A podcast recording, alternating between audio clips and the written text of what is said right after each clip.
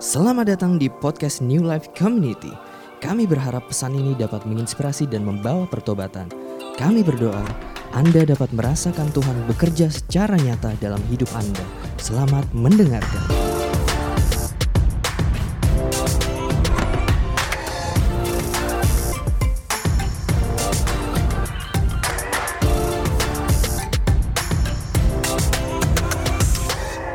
Integritas dan lain sebagainya. Kita akan kita akan mendengar, kita akan mencoba memahami hari ini sebuah serangan besar, sebuah attacking, taktik attackingnya Pep Guardiola gitu ya, taktik taktik attackingnya iblis yang selalu sukses dari dari zaman ke zaman dan sering kali eh, kena juga ke kita. By understanding cara mereka nyerang, I hope kita juga bisa, you know, dis dengan kasut eh, dengan dengan ikat pinggang kebenaran, we know what we what we gotta do. Oke? Efesus 6 ayat 10 berkata kayak gini, akhirnya hendaklah kamu kuat di dalam Tuhan. Paulus menulis demikian, di dalam kekuatan kuasanya. Kenakanlah seluruh perlengkapan senjata Allah supaya kamu dapat bertahan melawan tipu muslihat iblis. Menarik. Karena perjuangan kita bukan melawan darah dan daging, tetapi melawan pemerintah-pemerintah, melawan penguasa-penguasa, melawan penghulu-penghulu dunia yang gelap ini, melawan roh-roh jahat di udara. Kalau saya stop sampai sini dulu, di sini dikatakan bahwa kenakanlah seluruh perlengkapan senjata Allah. Kamu mesti ingat bahwa di zaman itu apa yang Paulus lihat itu berbeda sama sekarang. Perlengkapan senjata Allah itu ketika dia masuk dan dia mulai menjelaskan satu-satu, apa yang dia lihat yang relevan dan kontekstual di zaman itu adalah apa yang dipakai orang Romawi gitu ya. Ya apa yang dipakai Romawi itu menjadi dasar ketika Paulus bilang kalau kamu mau berperang pakai perlengkapan senjata Allah. Kamu nggak bisa cuma you know maaf ya tempel stiker I love Jesus. Terus kamu kayak oke saya siap nih melawan godaan iblis gitu. We cannot do that karena iblis jauh lebih kuat dari itu. Jangan underestimate tapi jangan overestimate juga. Oke, so per- perjuangan kita bukan melawan darah dan daging, tetapi melawan pemerintah, penguasa, penghulu-penghulu dunia yang gelap, melawan roh-roh jahat di udara let's be honest here. Waktu baca ini ingat SHDR nggak sih? Oke, ini you know ini buat pelepasan di SHDR ya. Kalau ada aing teh maung gitu kan. Oh ini ini ada ada penghulu-penghulu jahat di dalam orang ini gitu kan nih. Kita berpikir yang namanya perang roh, perang spiritual warfare atau eh, ya perang spiritual itu terjadi ketika you know ada doa bareng, ada yang muntah, atau keluar kuku gitu ya. Serem banget gitu ya. Terus kebalik kayak exorcism gitu ya. Jadi we we thought spiritual warfare adalah battle eh, yang isinya manifestasi roh jahat, pelepasan, kerasukan. Actually itu cuma sebagian kecil. Peperangan rohani selalu terjadi setiap hari, you and me. Kamu ke gereja apa enggak, kamu memilih online apa enggak, kamu masih milih untuk tetap pelayanan atau kamu mulai ngejauhin Tuhan. Peperangan rohani terjadi setiap hari di kepala. We'll go gimana caranya iblis nyerang kita dengan di, di dalam pemikiran kita. Oke? So, melawan penguasa-penguasa, penghulu-penghulu dunia yang gelap. Ayat 13 berkata, Sebab itu ambillah seluruh perlengkapan senjata Allah, supaya kamu dapat mengadakan perlawanan pada hari yang jahat itu dan tetap berdiri sesudah kamu menyelesaikan segala sesuatu. Jadi ber- berdirilah tegap, berikat pinggangkan kebenaran. Saya stop di sini.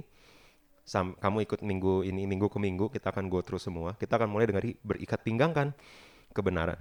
Jadi yang sebelum semuanya, sebelum you, you know eh, cari apa nama gelasnya tuh? Gelasnya Jon Snow namanya apa yang bisa bunuh White Walkers ya? Itu you know dia cari senjatanya dulu. Iya kan? Di mana-mana cari senjatanya dulu. Oh, ini kalau kalau Thor gitu kan, dia mesti cari supaya kapaknya ada dua gitu buat bisa lawan Thanos dan lain sebagainya. Tapi eh, the the the world selalu show bahwa the the the strength atau yang paling fundamental ada di weapon. Sementara di Efesus ditulis yang paling utama ikat pinggang kebenaran. Ikat pinggang dulu sebelum ngomongin pedang, sebelum ngomongin baju zirah, ikat pinggangnya dulu harus kebenaran. This is interesting. Karena Roman belt, nih the, the handsome Channing Tatum here. Jadi kalau Roman belt, kalau kamu lihat, ikat pinggangnya itu sangat penting karena baju zirahnya itu set ketika ada ikat pinggangnya. Pedangnya ditaruh di ikat pinggang. So everything else yang ada yang lain itu ada di ikat pinggangnya. Termasuk yang ini yang rumbai-rumbai ini. Ini bukan hiasan buat bridal shower ya rumbai-rumbai ini. Rumbai-rumbainya mereka kamu tahu buat apa? Pernah lihat film-film zaman sekarang lah ya kalau ada uh, orang yang lebih lemah diserang sama yang kuat cowok gitu, yang dilakukan apa? Tendang genitalia, bener gak? low blow kan namanya kan. Karena itu udah titik lemahnya seorang laki-laki kan ketika atau wanita ya. Ketika itu ditendang langsung oke, okay, mau sebesar apa pun badannya, biasanya kita lihat langsung KO gitu ya. Langsung kesakitan. Roman belt actually melindungi bagian paling penting. Bagian paling vital itu dilindungi dengan beltnya supaya nggak mudah diserang. So this is where kenapa the center and anchor of all Romans equipment for battle itu ada di ikat pinggangnya ada di kebenaran, ada ada yang disebut sama sama Paulus sebagai berikat pinggang kan kebenaran. Oke? Okay? Kebenaran. Nah, waktu kita ngomong soal truth, waktu kita ngomong soal kebenaran, well, ada ada beberapa misconception yang kamu dan saya hadapi hari-hari ini. As we know. Misconception pertama ada banyak versi kebenaran. Ya udahlah ya, ya buat dia, ya percayanya gitu, gue percayanya gini, masing-masing aja, you know ya buat dia itu yang benar buat gue ini yang benar ya udah sendiri sendiri aja atau kita banyak banyak berpikir bahwa there are many version of truth padahal yang ditulis di Alkitab adalah there there is only one truth ketika orang orang-orang mendapat revelation dan bilang bahwa oh saya dapat kebenaran nih saya dikasih tahu ini adalah sebuah kebenaran ya banyak kepercayaan atau atau banyak uh, aliran yang mungkin berkata seperti itu only one God yang datang dan bilang I am the way. Apa yang kedua? The truth and the life. I am the truth. You can see everywhere else. Semuanya adalah sebuah pemikiran dan analisis dan hasil assessment. Orang ini datang dan bilang mendeklarasikan I am the way and I am the truth. Dia declare bahwa dia adalah kebenaran. Oke? Okay? So, tidak ada banyak versi kebenaran yang sejati adalah ada di Kristus. Kalau pemahaman kita hari ini ya mungkin masih beda-beda. Ada yang pemahaman kita tentang Kristus, pemahaman kita tentang tentang uh, keselamatan mungkin berbeda, tapi kebenaran yang sejati cuma ada di Kristus. Nah, ini yang menarik ya. Ini yang menarik. Karena ketika dibilang bahwa oh, cuma ada satu kebenaran itu buat kamu gampang ya ingetnya ya. Oke, kalau ada yang datang terus uh, ini ya, uh, apa namanya? Uh, dari aliran sesat terus bilang kamu bilang ke kamu bahwa eh Yesus sekarang ini kalau kamu mau uh, dilindungi dari COVID ini ada jimat gantungan kunci gitu dipakai gitu ya ini pedang roh gitu kan eh I mean well kamu bisa bilang bahwa hmm, kayaknya agak aneh gampang ya buat bener gak mengidentifikasi aliran aliran yang uh, unik yang tidak ber, yang berseberangan dengan Alkitab lebih mudah tapi do you know bahwa ada aliran lain yaitu value dunia yang sangat sulit diidentifikasi bahwa itu juga salah gitu Ketika dunia bilang bahwa hustle culture is the way to go. Ketika dunia bilang bahwa kenapa lu nggak bisa terima LGBT, kampung banget lu, kuno banget gitu ya. Kenapa kamu nggak setuju LGBT? It's not a choice, it's a given condition gitu. Hey, menerima obviously, menyetujui it's a different thing. Betul, betul. Dan dan kita orang Kristen mulai mulai abu-abu, mulai kehilangan kayak mana ya boundary-nya ya Enggak lah, kita kan ini harus kita harus relevan, stay kontekstual dan terima semua orang. Ya, terima semua orang bukan berarti kamu menyetujui semua pemikiran yang salah yang diadopt dunia dari si jahat. Careful. Sebagai uh, young people, we need kita perlu punya mana nih batasannya. Ini gue nggak bakal ikutin. Lu mau sikut-sikutan di kantor supaya jadi uh, paling tinggi, you do it your way. No, panggilan saya spesifik dan khusus untuk jadi berkat ya dengan jadi berkat promosi datang ya puji Tuhan kalau nggak datang saya tetap jadi berkat loh ini adalah perbedaan paradigma loh ketika yang satu belief adopt beliefnya dunia yang satu Kristen tapi adopt beliefnya dunia yang satu Kristen dan dia tahu kebenaran sejati ada di Kristus dan nggak perlu ikut red race-nya dunia yang kedua misconception kedua kita bisa menemukan kebenaran dari pengetahuan dan fakta oh ini ada faktanya kalau scientifically bilang bahwa Tuhan tidak ada, oke, okay, artinya kalau scientifically Tuhan tidak bisa dibuktikan, maka Tuhan tidak ada. Wah, senang banget kita sama temuan-temuan dan bacaan yang kayak gitu ya. Dan actually, well, well the truth is the true, the truth is different than fact. Fact adalah sesuatu yang bisa diobserv oleh manusia. Truth adalah Yesus, adalah Tuhan. So, bisakah manusia at certain point memahami seluruhnya cara Tuhan berpikir, cara Tuhan mengambil keputusan dan cara Tuhan bekerja? It's a tall order, friends. Untuk manusia bisa memahami cara kerjanya Tuhan, pertama diciptainnya gimana, Trinity ini gimana gitu ya. Trinitas itu cara kerjanya gimana, kenapa ada tiga, ada tiga pada satu gitu ya. So, kita nggak bisa menemukan kebenaran, the truth cuma dari knowledge dan fakta. Kamu, kamu, saya bisa ikut Bible study, cari semua Bible study dan ikut seminggu lima kali. You know, those knowledge will not add up untuk the, the real truth, yaitu Tuhan sendiri. So, kebenaran sejati ada di relationship kamu sama Tuhan. Kebenaran sejati ada di Alkitab, obviously, sebagai sumber, salah satu sumber, tapi juga dengan personal relationship, bukan tambahan-tambahan knowledge. Ketiga, Misconception ketiga. Kebenaran tidak relevan untuk kehidupan saya sehari-hari. Ini yang mulai berbahaya ya.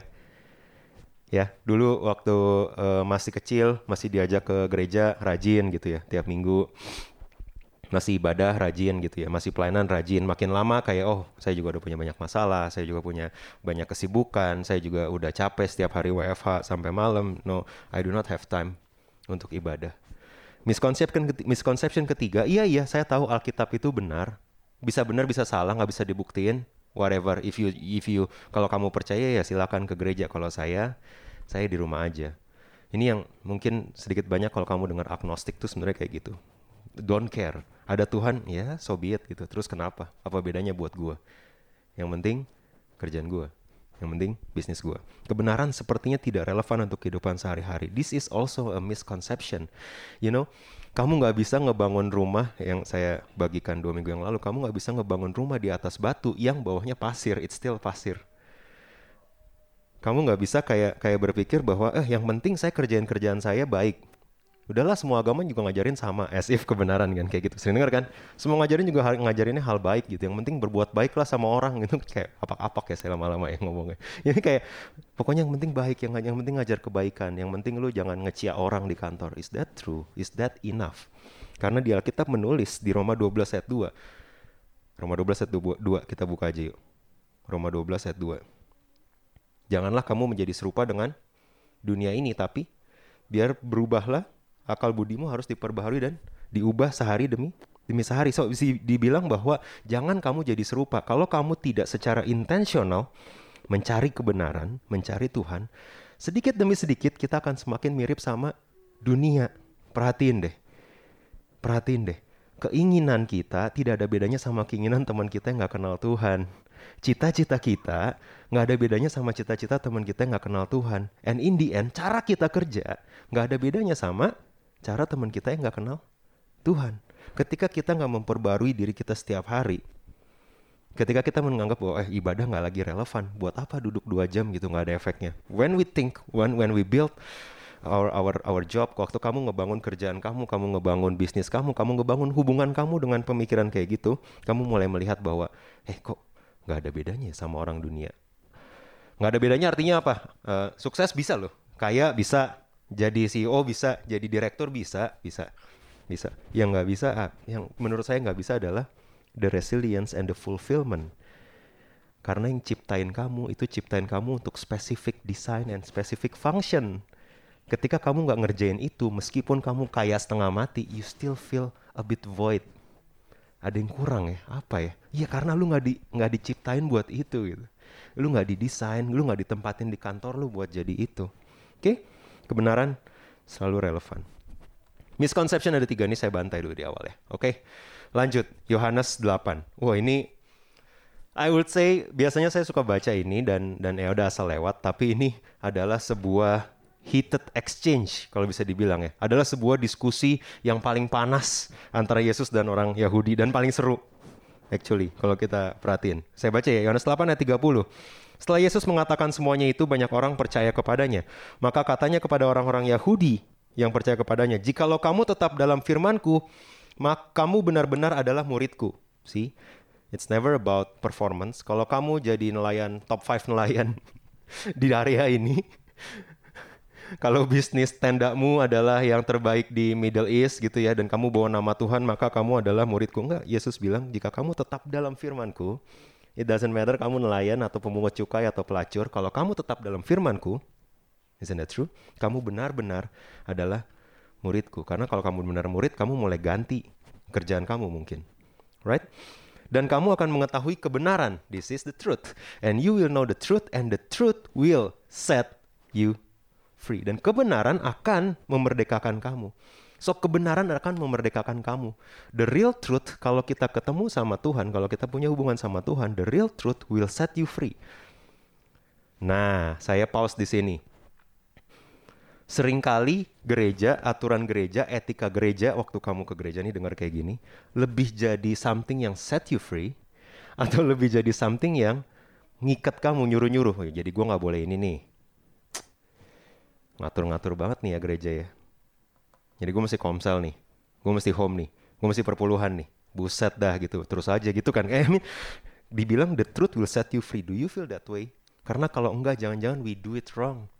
Kita ngejalanin kekristenan kita bukan mengejar apa, tinggal dalam firman, tapi kita coba ngejar just aturan-aturan agama. The truth will set you free, kata Yesus. Setelah Yesus mengatakan semuanya itu, I promise you, ini seru banget.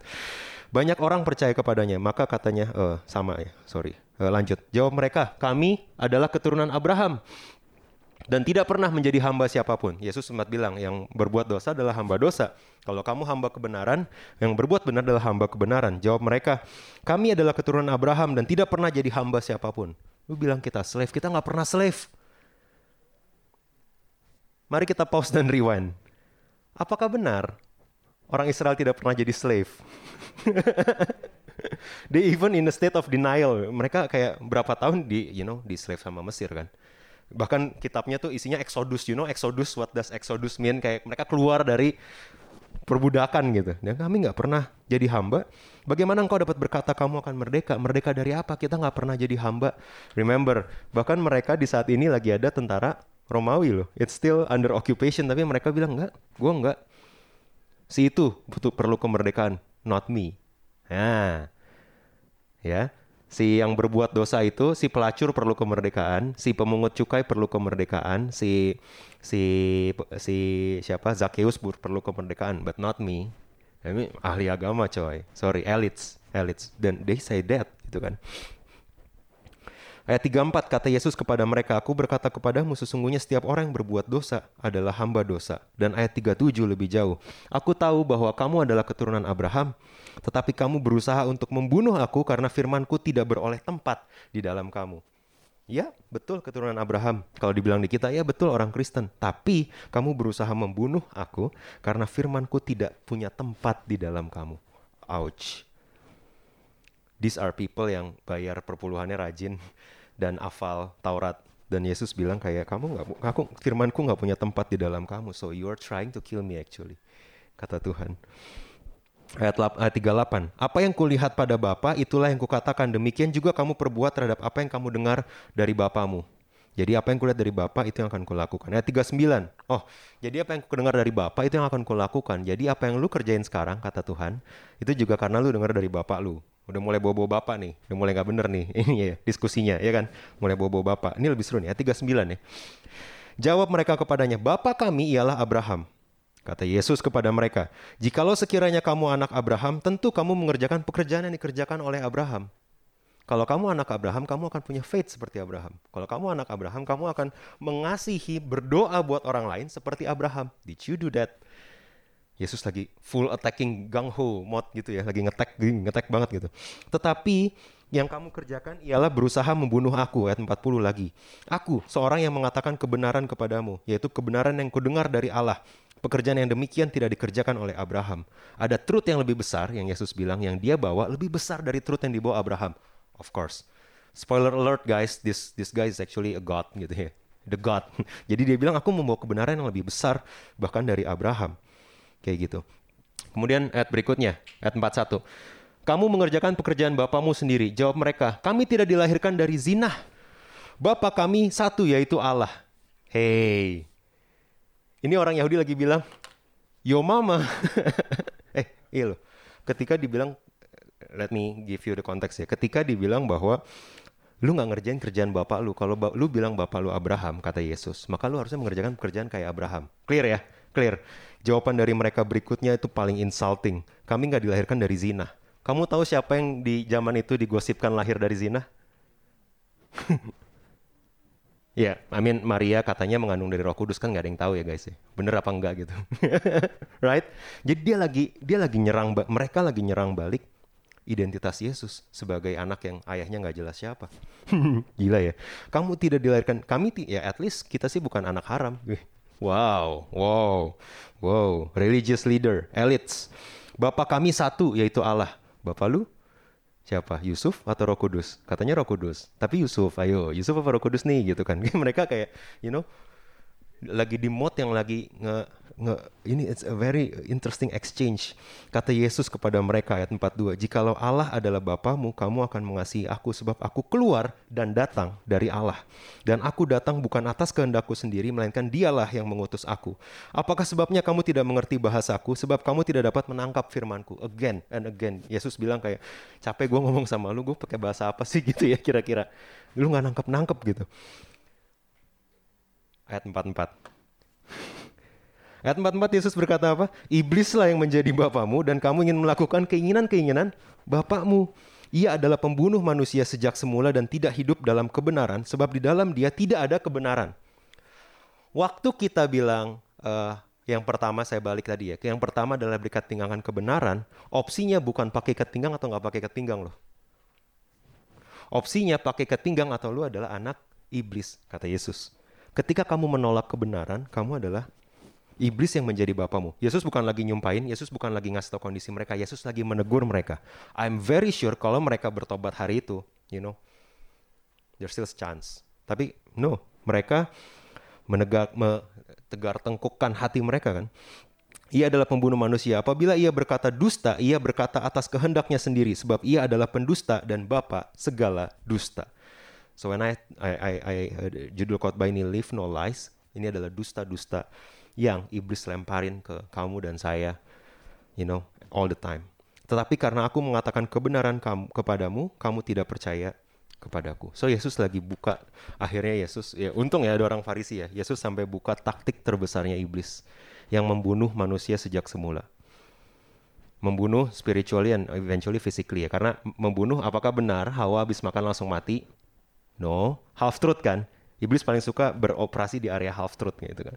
Half truth enggak tuh nggak mati kan sih sih masih hidup kan enak kan enak kasih dong suami lu gitu kan. Half truthnya dia tuh bekerja di situ. Iblis membunuh bukan bunuh you know keluar dari sumur terus nyekek gitu ya. No. Iblis main attacknya dari devils. The devils main attack selalu datang dari tiga step. Ke satu dia memberikan ide dusta. It's a small idea. Inception yang dia masukin ke kepala lu? Enggak lah, nggak apa-apa. Udah tahunan kan? Nggak ada konsekuensinya kan? Ah cuma begini mah semua orang juga ngelakuin kali. Halo? Ya elah, lu rapi-rapi amat bukannya kalau lu uh, laporin semua lu yang jadi susah sendiri besok. Udahlah semua juga tahu ada jalan tikusnya nih kalau yang kayak gini. Halo. He gave you that idea, just an idea ya namanya juga cowok ya. Pastilah nengok lah ya kalau cewek ya kayak Gal Gadot gitu ya misalkan. You know that's just an idea. Just an idea. Harmless idea di awal. Tapi itu tidak akan pernah berhenti sebagai ide. Jarang berhenti sebagai ide. Makanya ini perlu kita bantai. Masih ide buang. Masih ide buang. Karena ketika jadi ide the devil akan lempar ide itu di kepala kamu. Dia nggak akan datang terus megang kaki lu lagi tidur gitu ya. Nggak nggak. Dia akan lempar this idea in your head lempar this idea in your head bahwa hey it's okay. Semua pasangan juga kayak gitu. Zaman sekarang mah siapa sih yang yang masih lurus? Lu nggak bakal maju kalau kalau ngikutin yang bener. Ide dari ide jadi keinginan, bukankah demikian? Ketika Hawa melihat buah itu, right? Jadi flash, jadi kedagingan, jadi keinginan. Habis di kena ide, kalau dibiarkan terus ide-idenya mulai pe pengen, bukankah demikian? Berawal dari ide, kemudian mulai pengen. Dan udah pengen, berikutnya adalah dunia dalam situasi yang full of sin. Sehingga keinginan manusia akan dinormalize sama dunia. Iya, awalnya akan akan akan dilihat sebagai sesuatu yang keliru gitu. Ih, kok lu gitu sih jadi orang gitu ya. Tapi at one point dunia akan bilang, "Hey, it's fine. We respect your choice." dunia akan menormalisasi dan bilang, "Hey, that's okay. It's who you are. Jangan biarkan anyone tell you who you really are, what you really want, what you really feel. Bukankah itu yang kita dengar tiap hari? dunia menormalisasi dosa. Okay. it's okay. Everybody does that. Ide dusta dari dari iblis, keinginan bentuknya jadi keinginan dan kemudian dinormalisasi dan jadi sesuatu yang kayaknya nggak nggak salah dari dunia.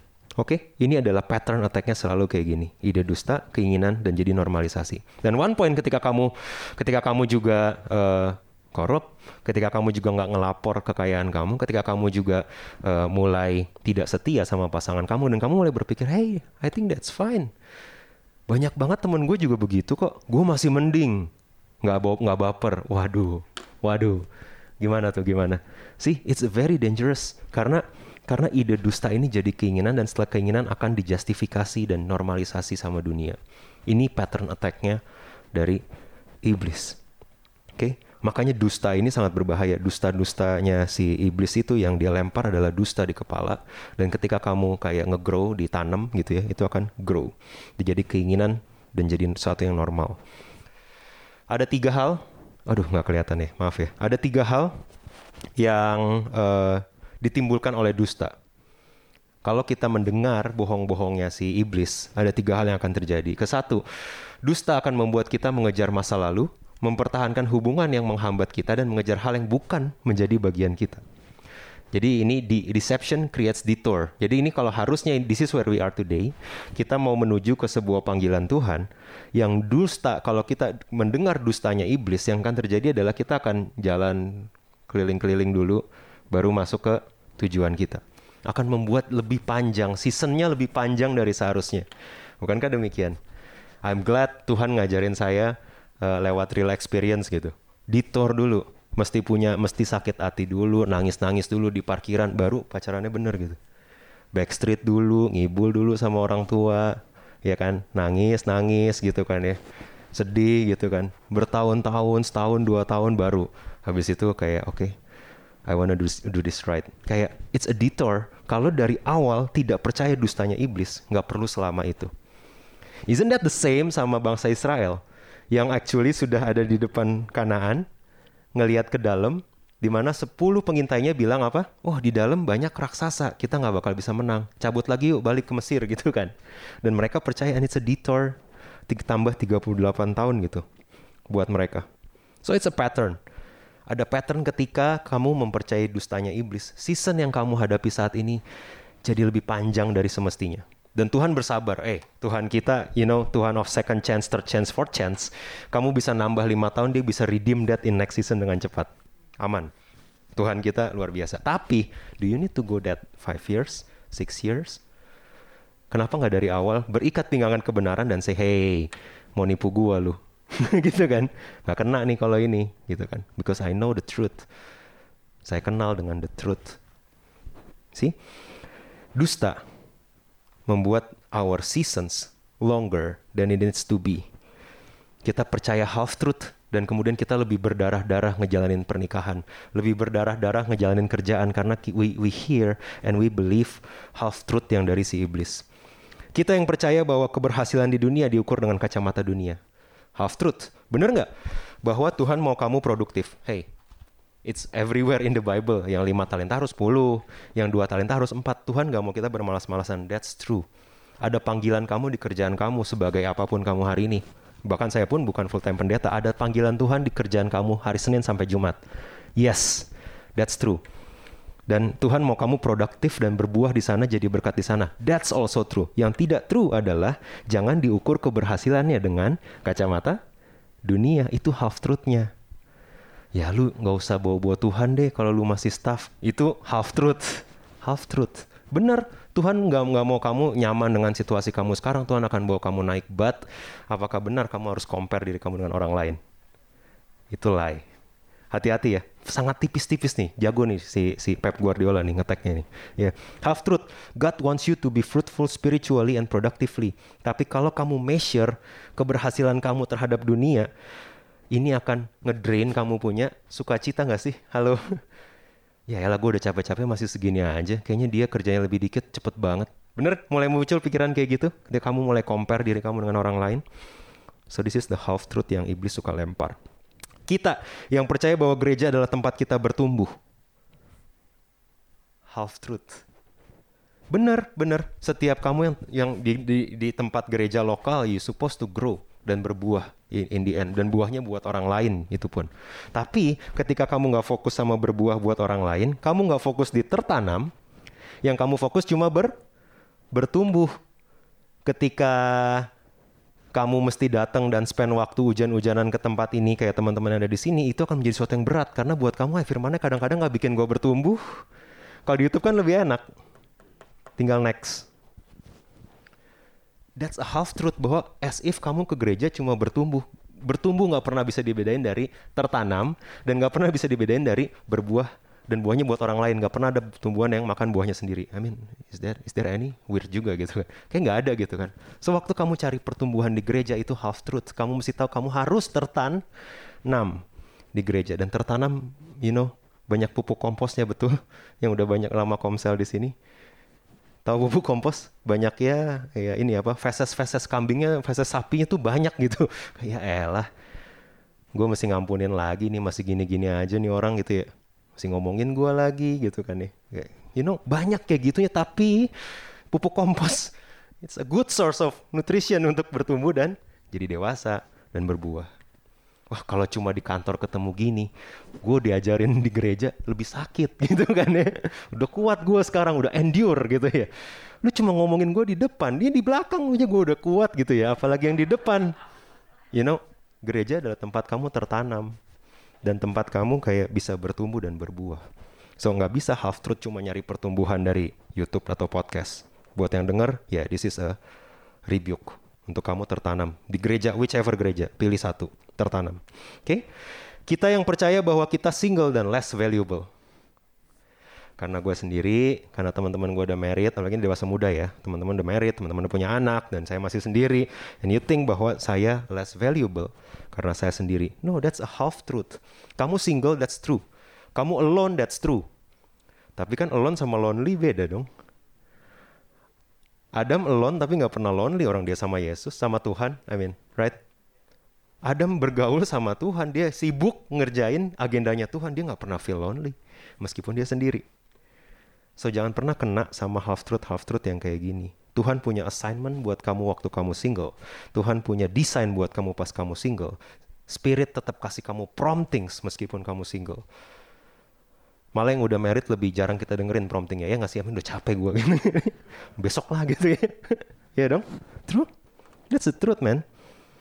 Lies push our seasons longer than it needs to be. Kebohongan, dusta iblis yang kamu percaya, nge-push season kamu jadi lebih panjang dan lebih capek, lebih berdarah-darah dari seharusnya. Itu yang pertama. Kedua, eh salah pencet. Kedua, deception creates distraction. Dusta dari iblis selalu membuat selalu membuat distraction. Hey, kalau iblis tahu kamu nggak bisa di nggak bisa di ini ya. Tadi yang pertama kan di ditor ya. Lewat sini dulu deh, lewat sini, lewat sini gitu kan. Kalau kamu tetap jalan menuju tujuan kamu, yang iblis bisa lakukan kalau dia nggak bisa stop kamu, He will give you a lot of distraction. Kamu punya assignment di kerjaan kamu, kamu punya assignment di keluarga kamu. Kamu ingat ya, assignment waktu saya bilang assignment, calling if you uh, beberapa bulan di sini by now kamu tahu calling kamu nggak cuma di kerjaan. Kamu ada calling sebagai orang tua, kamu ada calling sebagai suami, kamu ada panggilan Tuhan sebagai istri, kamu ada panggilan Tuhan sebagai anak, kamu ada panggilan Tuhan sebagai kakak, sebagai adik. Itu ada panggilan Tuhan semua. Selain kamu, you know, title kamu manager or whatever. Ada panggilan Tuhan semuanya. Tapi yang iblis lakukan adalah dia create distraction. Kalau dia nggak bisa stop kamu, dia akan distract kamu. Kalau film lawyer yang saya nonton bilangnya, if you cannot convince them, confuse them gitu kan. Sama ini, kalau si iblis akan bilang, if you cannot stop them, distract them. Well, ada satu cerita di Alkitab, in the same pattern, ketika ada seseorang yang dipanggil sama Tuhan, Tuhan bilang, hey, come, walk on water, jalan di atas air, datang kepadaku si orang ini, si Petrus, waktu dengar Tuhan memanggil dia jalan di atas air, dia tidak ditor, dia nggak jalan-jalan dulu di dalam perahu, dia langsung keluar, dia langsung menuju ke Tuhan, bener? Dia langsung jalan, dia langsung menuju ke suara yang manggil dia ke Tuhan. So iblis nggak bisa stop dia. Dia take the first leap of faith, take a step of faith untuk mengarah ke Tuhan. Yang jadi pertanyaan, Oke, okay, ketika iblis tahu bahwa nggak kena nih, nih orang nih, imannya kencang banget nggak kayak yang lain gitu kan. Take the first step, Apa yang iblis lakukan? Make him focus on the storm. Dan bukan Yesus yang masih kelihatan. Ada Yesusnya loh yang manggil. Nggak dia napak, toto hilang Yesus. Oh, panik kan? No, no, Yesusnya masih ada. Waktu dia napak, iblis membuat dia fokus ke distraction, ke storm, ke badai, ke anginnya kok kenceng juga ya by the way guys. Eh gini ya, emang anginnya beda kenceng ya di perahu sama di luar perahu? Enggak kan? Halo? Dari di perahu dia tahu anginnya kenceng. Come on. Right? Tapi ketika dia step out dari comfort dia, ketika dia step in faith, dan iblis tahu dia orang nggak bisa di stop, iblis buat dia fokus sama distraction, hal-hal yang nggak distract dia.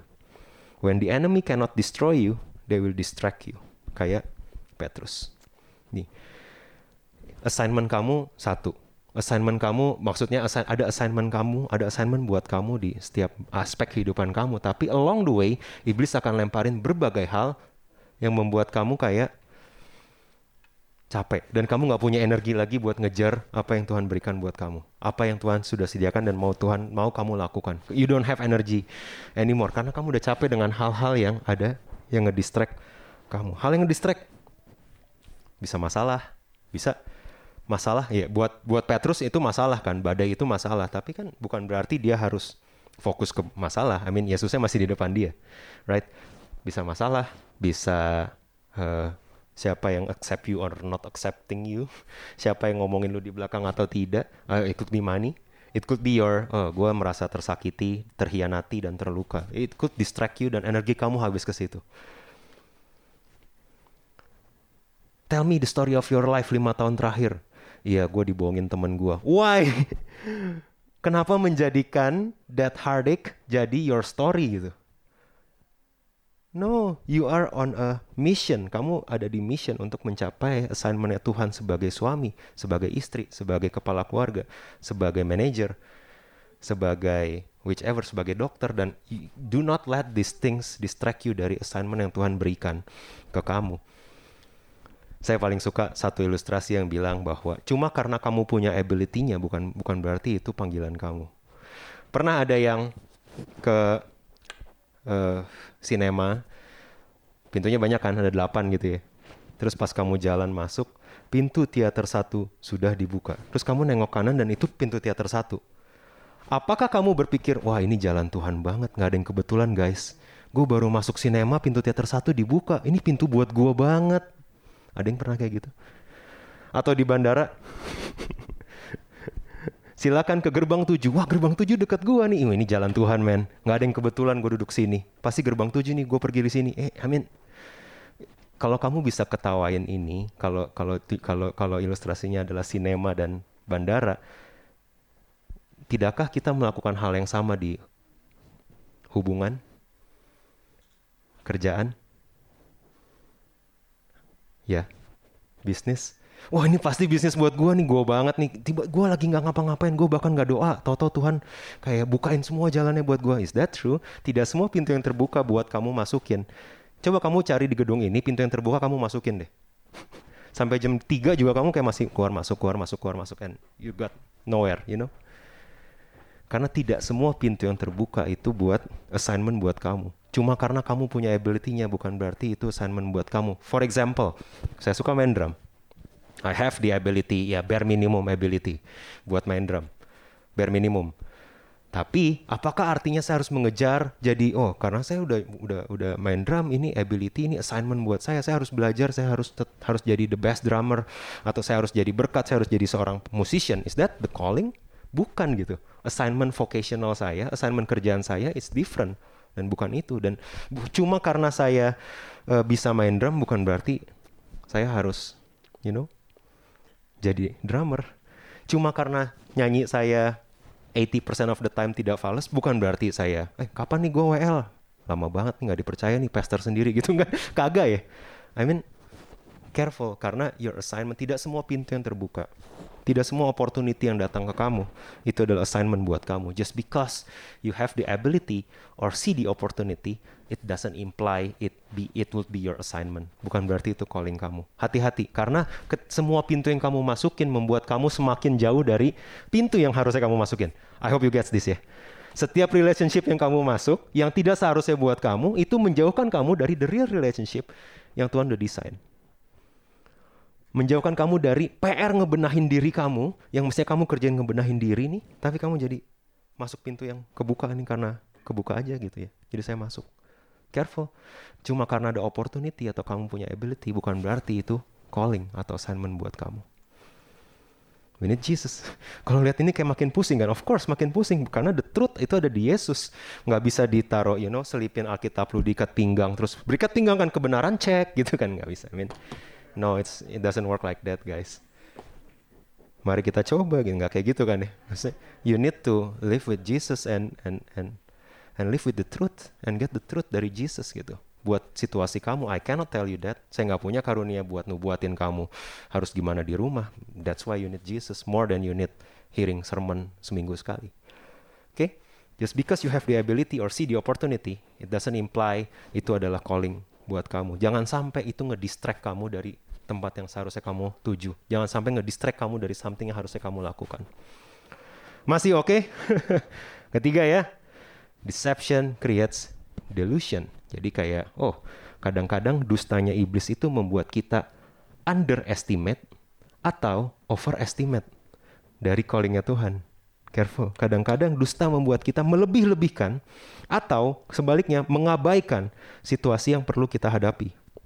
Kadang membuat kita mengabaikan atau melebih-lebihkan. Ketika kita nggak punya hubungan sama Tuhan, ketika kita dengerin eh, tipu-tipuan setan, kita cenderung meremehkan atau cenderung membesar-besarkan situasi yang kita hadapi.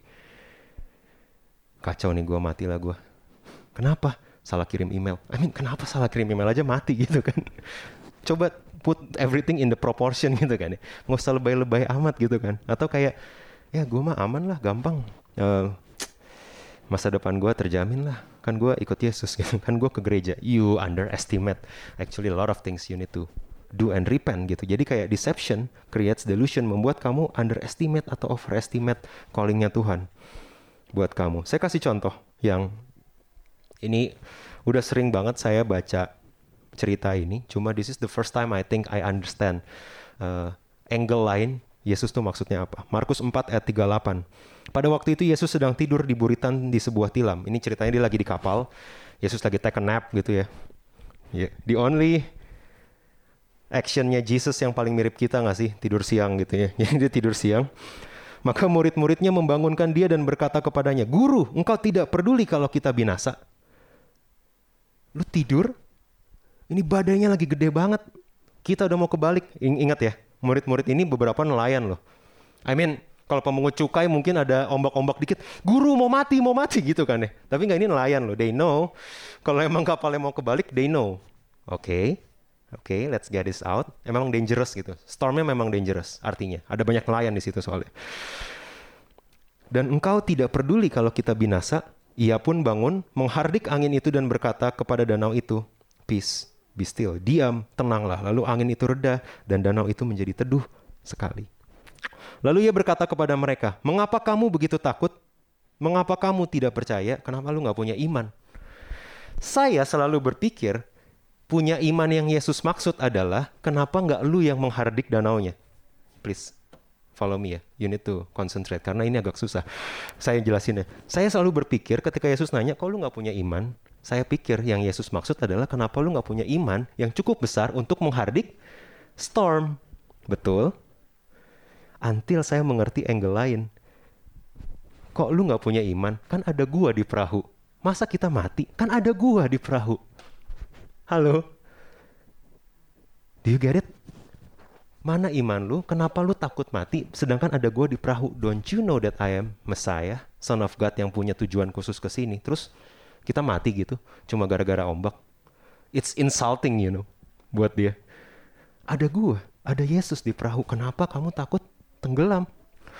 Ouch, ketika ini dibawa ke financial situation atau hubungan kita berantakan banget gak sih? Terus lu takut banget gitu ya sama bisnis lu, aduh ini tiga tahun lagi tutup gitu ya, atau kerjaan lu kok gini-gini aja. Dan Yesus bilang, mana iman lu? Bukan iman buat aku percaya, tiga tahun dari sekarang penghasilanku adalah 3x, 5x. No, it's, it's not like that. Kamu faith-nya bukan cuma buat menghardik danau, faith-nya adalah don't you have faith. Selama lu kerjaan-kerjaan lu dengan Yesus di dalamnya, nggak bakal binasa selama kamu jalanin relationship kamu dengan Yesus di dalamnya, ya badai bisa datang kok. Tapi ada Yesus lagi tidur pun, don't you have faith bahwa it's gonna be okay? It's gonna be a wild ride, roller coaster, but it's gonna be okay.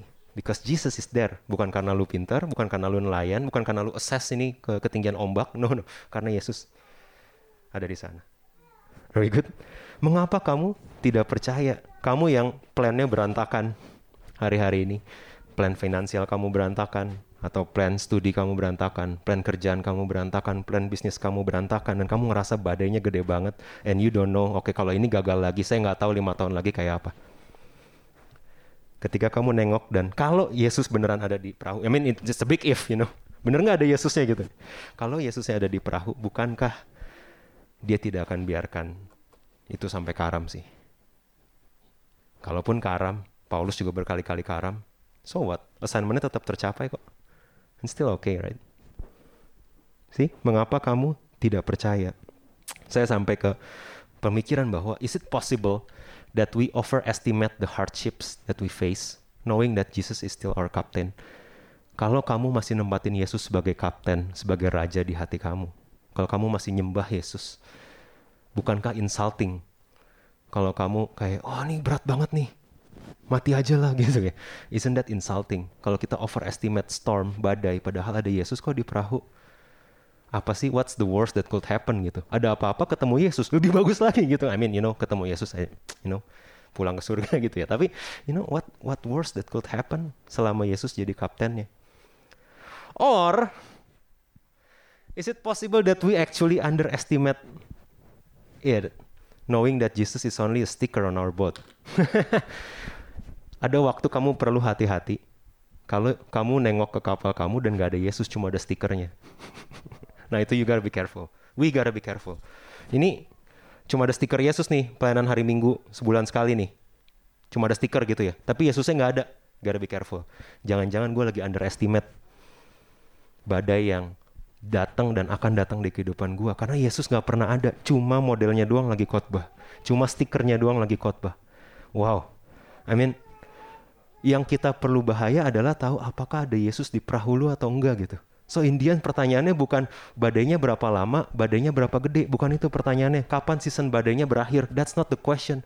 The real question adalah apakah ada Yesus di perahumu atau tidak. Ketika ketika ada Yesus dan bukan cuma stikernya, you're gonna be okay. Okay? It's still gonna be okay. Alright? So jangan overestimate ke satu, jangan overestimate uh, kesulitan yang kamu hadapi, jangan overestimate kesulitan yang kamu hadapi. Kalau Yesus masih jadi kapten di di masih jadi nahkoda buat kapal kamu, come. Ada Yesus. Kalaupun masalahnya gede, I will uh, experience something yang different dan better dari everyone else karena ada Yesus gitu kan. I will experience miracle karena ada Yesus.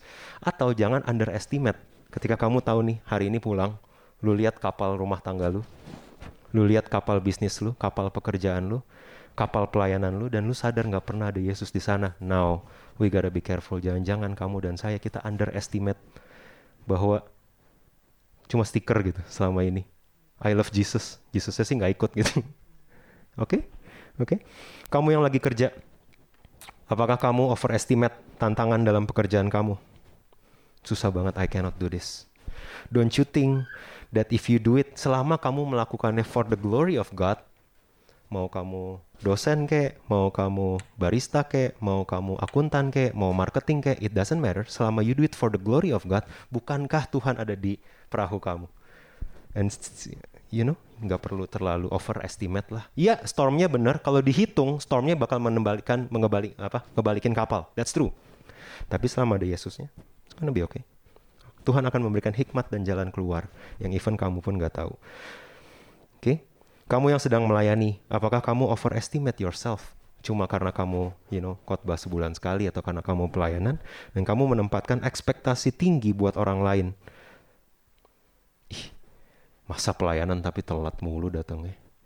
Nih gue pelayanan tiap minggu paling pagi gitu ya lo telat mulu. Ini bukan saya, bukan buat kalian, bukan, bukan. Ini contoh ya. Misalkan ada, you know, ada yang datang tiap minggu paling pagi gitu ya. Terus kemudian setup setup, tapi yang lain belum pada datang. Gak apa-apa juga. Cuma, do you overestimate your importance?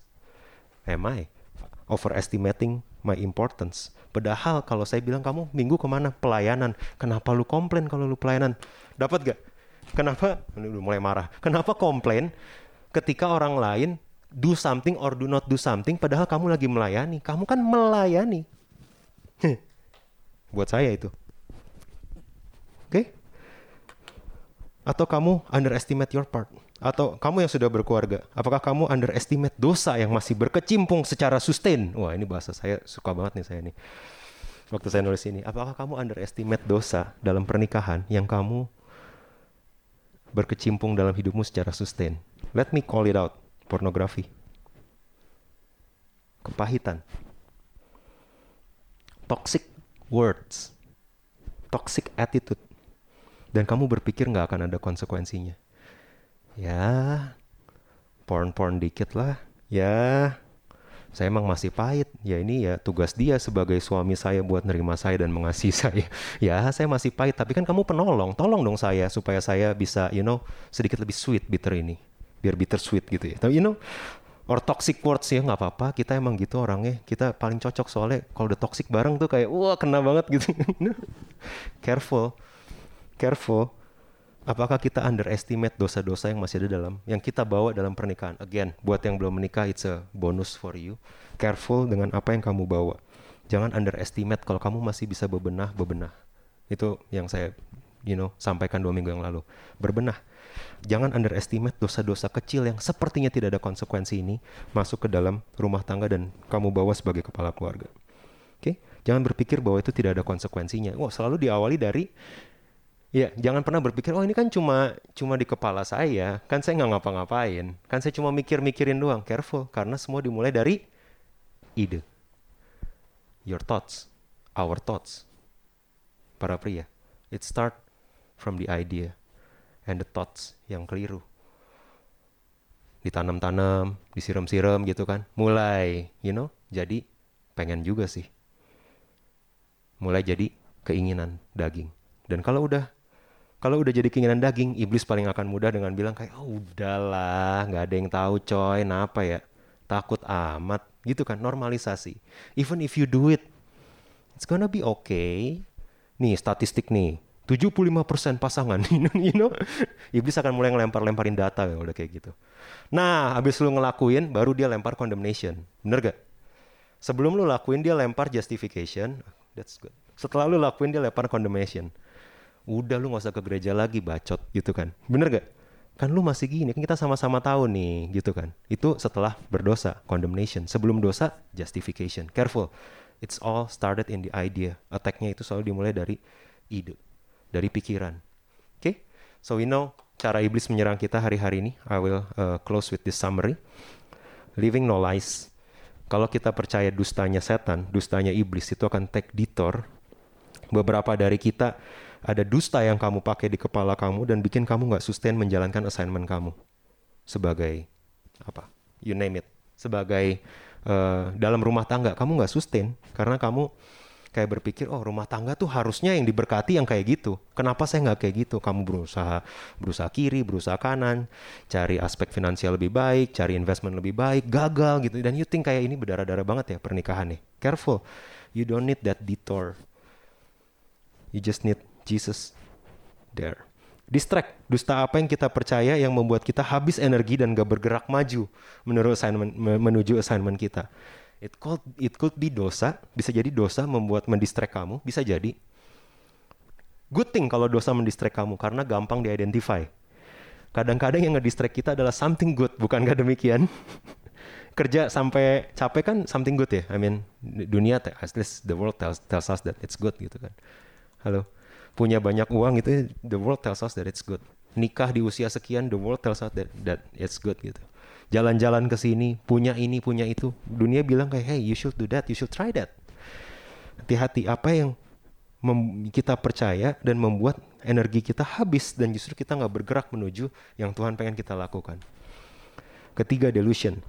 Dusta apa yang kita percaya membuat kita begitu takut akan keadaan atau nggak peduli sama ibadah all together. Dua ya, kita underestimate dan kita nggak peduli lagi. Udahlah gereja-gereja. Yang penting gue jalanin bener. Yang penting gue nutupin yang gue perluin. Ya. Yang penting gue kerja. Something like that. Yang penting keluarga gue sehat. Nggak perlu ibadah-ibadah. Apakah kita underestimate pentingnya ada Yesus di perahu?